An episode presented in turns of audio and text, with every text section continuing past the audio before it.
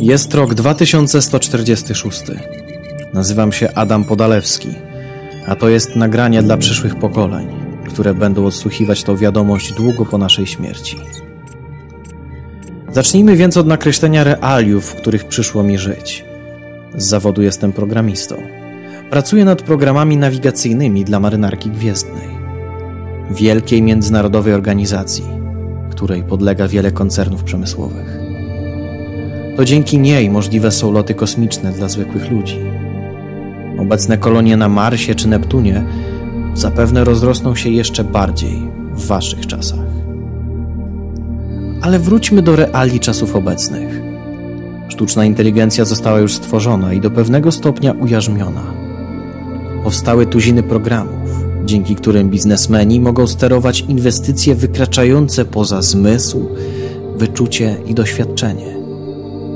Przypomina to zarabianie na grze w szachy, z tą różnicą, iż gracze mogą prowadzić wojnę wykraczającą poza ramy zwykłego ludzkiego pojmowania. W dzisiejszych czasach bez programu analitycznego prowadzenie efektywnego biznesu jest praktycznie niemożliwe. Co do mechanizacji, mogę powiedzieć też tyle, że miałem już wątpliwą przyjemność rozmawiania z cyborgami.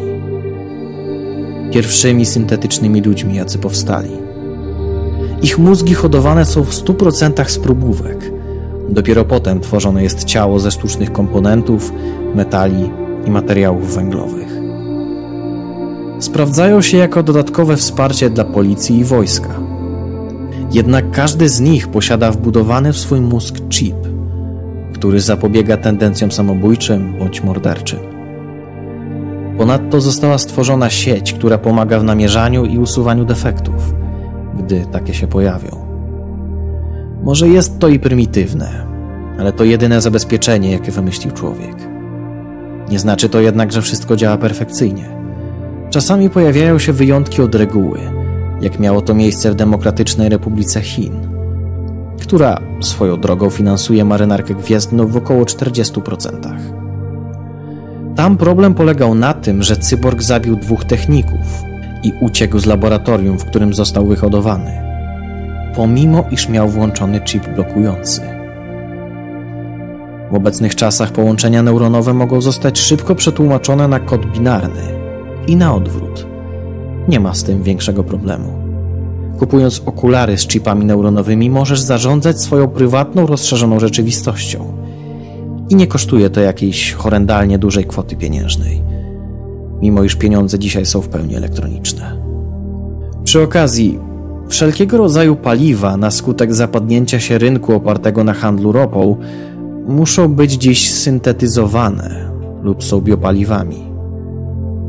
Taka, a nie inna sytuacja dała przewagę alternatywnym, bardziej ekologicznym źródłom energii. Najnowszą z nich jest tak zwana kwantowa fuzja, gdzie w kulistych akceleratorach cząsteczki zmuszane są do tych samych procesów, które zachodzą w Słońcu. Cóż by tu jeszcze powiedzieć, by nakreślić czasy, w których żyję? Być może warto by tu opowiedzieć o jednej historii z mojego życia – Widzicie, nie dalej jak rok temu miałem okazję spotkania się z moim wujkiem, który jest astronautą. Pracuje dla marynarki gwiezdnej, dostarczając surowce, towary, głównie do kolonii na Marsie.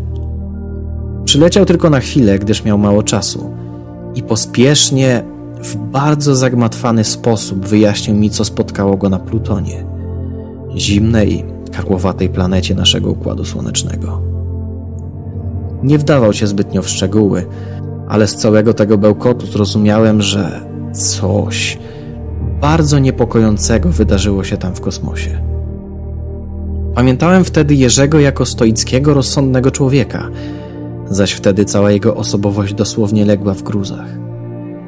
Trzy dni później wylądował w szpitalu, gdzie zdiagnozowano u niego załamanie nerwowe i możliwą schizofrenię. Podobno mówił i krzyczał, że jakaś nadnaturalna plaga krąży po kosmosie i niszczy wszelkie życie, że marynarka gwiezdna hoduje jego klony. Jednak na ile były to majaki, a na ile prawda, nie sposób mi ocenić. Pogrążony w myślach i trosce o mojego krewnego, Zapytałem Alicję, co o tym myśli. Tak jak ja jest programistą. I o dziwo pierwszym cyborgiem, z którym miałem styczność. Z tego co wiem, to jako dziecko zapadła na niezbadaną dotąd chorobę zaniku połączeń nerwowych w całym ciele, z wyjątkiem tych w mózgu. Więc przeszczepili jej mózg do naczynia i dali jej mechaniczne ciało. Tak więc zapytałem ją, co o tym myśli. Odparła wymownie, że wiele rzeczy mogło na to wpłynąć, po czym poleciła, bym spotkał się z wujkiem jeszcze raz. Z początku odmówiłem. Nie chciałem widzieć go w takim stanie. Zawsze był opanowany, spokojny, a teraz kłębek nerwów. W końcu jednak przekonałem sam siebie, że warto by chociaż spróbować. Na drugi dzień, a było to w niedzielę, kiedy byłem wyjątkowo wolny od pracy, podjechałem samochodem do kliniki psychiatrycznej. Było około 16, tak więc byłem w godzinach odwiedzin. Kiedy zobaczyłem Jerzego ponownie, zaniemówiłem z przerażenia. Był cały wychudzony, podłączony do kroplówki i zapięty pasami, by nie mógł uciec. Rozpoznał mnie od razu i zaczęliśmy gadać. Z początku nie działo się nic nadzwyczajnego. Od jak powodzi mi się w pracy, czy mam jakąś już dziewczynę i takie tam. Potem jednak spytałem, co wydarzyło się na Plutonie. I odtąd zaczęły się schody. Wpierw po ciele wujka przeszły dreszcze. Zaczął majaczyć i paplać trzy po trzy. Ponoć obcy, pradawna rasa, która zamieszkiwała na Plutonie, miała nas zgładzić, marynarka gwiezdna hodowała jego klony. Nie wiedząc do czego jego obłąkany bełkot zmierza, opuściłem budynek. Jeszcze bardziej zatrwożony niż wcześniej. Próbowałem to wszystko racjonalnie sobie wytłumaczyć, przy wielu okazjach rozmawiałem o tym z Alicją, ale nijak nie mogłem wysupłać z tego ani krzty sensu. Cokolwiek to było, musiało wpłynąć nieodwracalnie na jego psychikę. W końcu jednak, nie dalej jak po miesiącu, nikt inny jak Jerzy Podalewski wyszedł ze szpitala wraz z przypisanymi lekami na rzekomą nerwicę.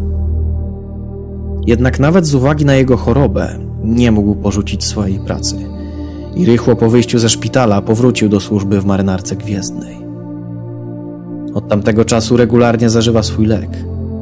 Zaś ja z ulgą przyjąłem, że jego stan psychiczny uległ poprawie.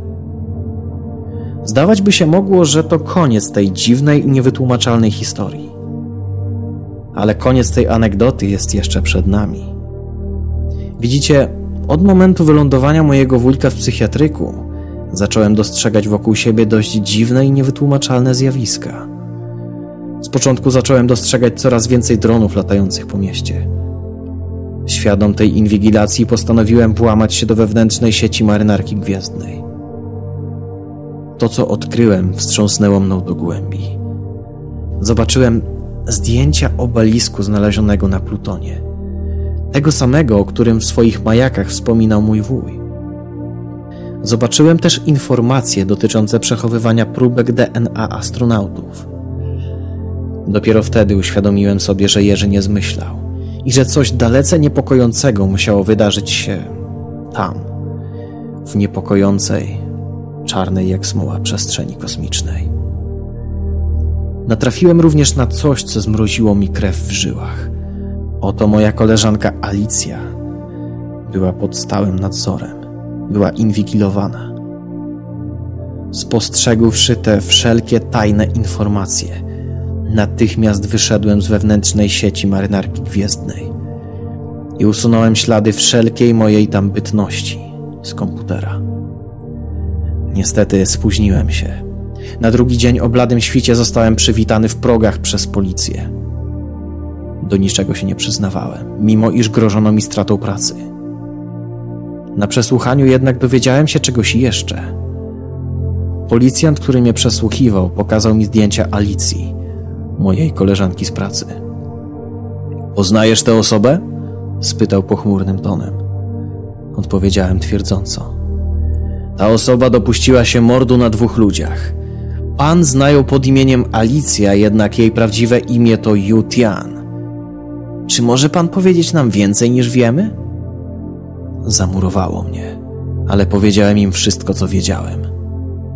Nie spodziewałem się, że Alicja będzie zbiegiem z Chińskiej Republiki Demokratycznej i że zamordowała dwóch techników. Tak jak usłyszałem to w wiadomościach. Teraz już wiem, dlaczego jej informacje i zdjęcia znajdowały się w sieci wewnętrznej. Nie chcę wiedzieć, co wspólnego ma z tym marynarka gwiezdna. Niektórych rzeczy lepiej nie wiedzieć.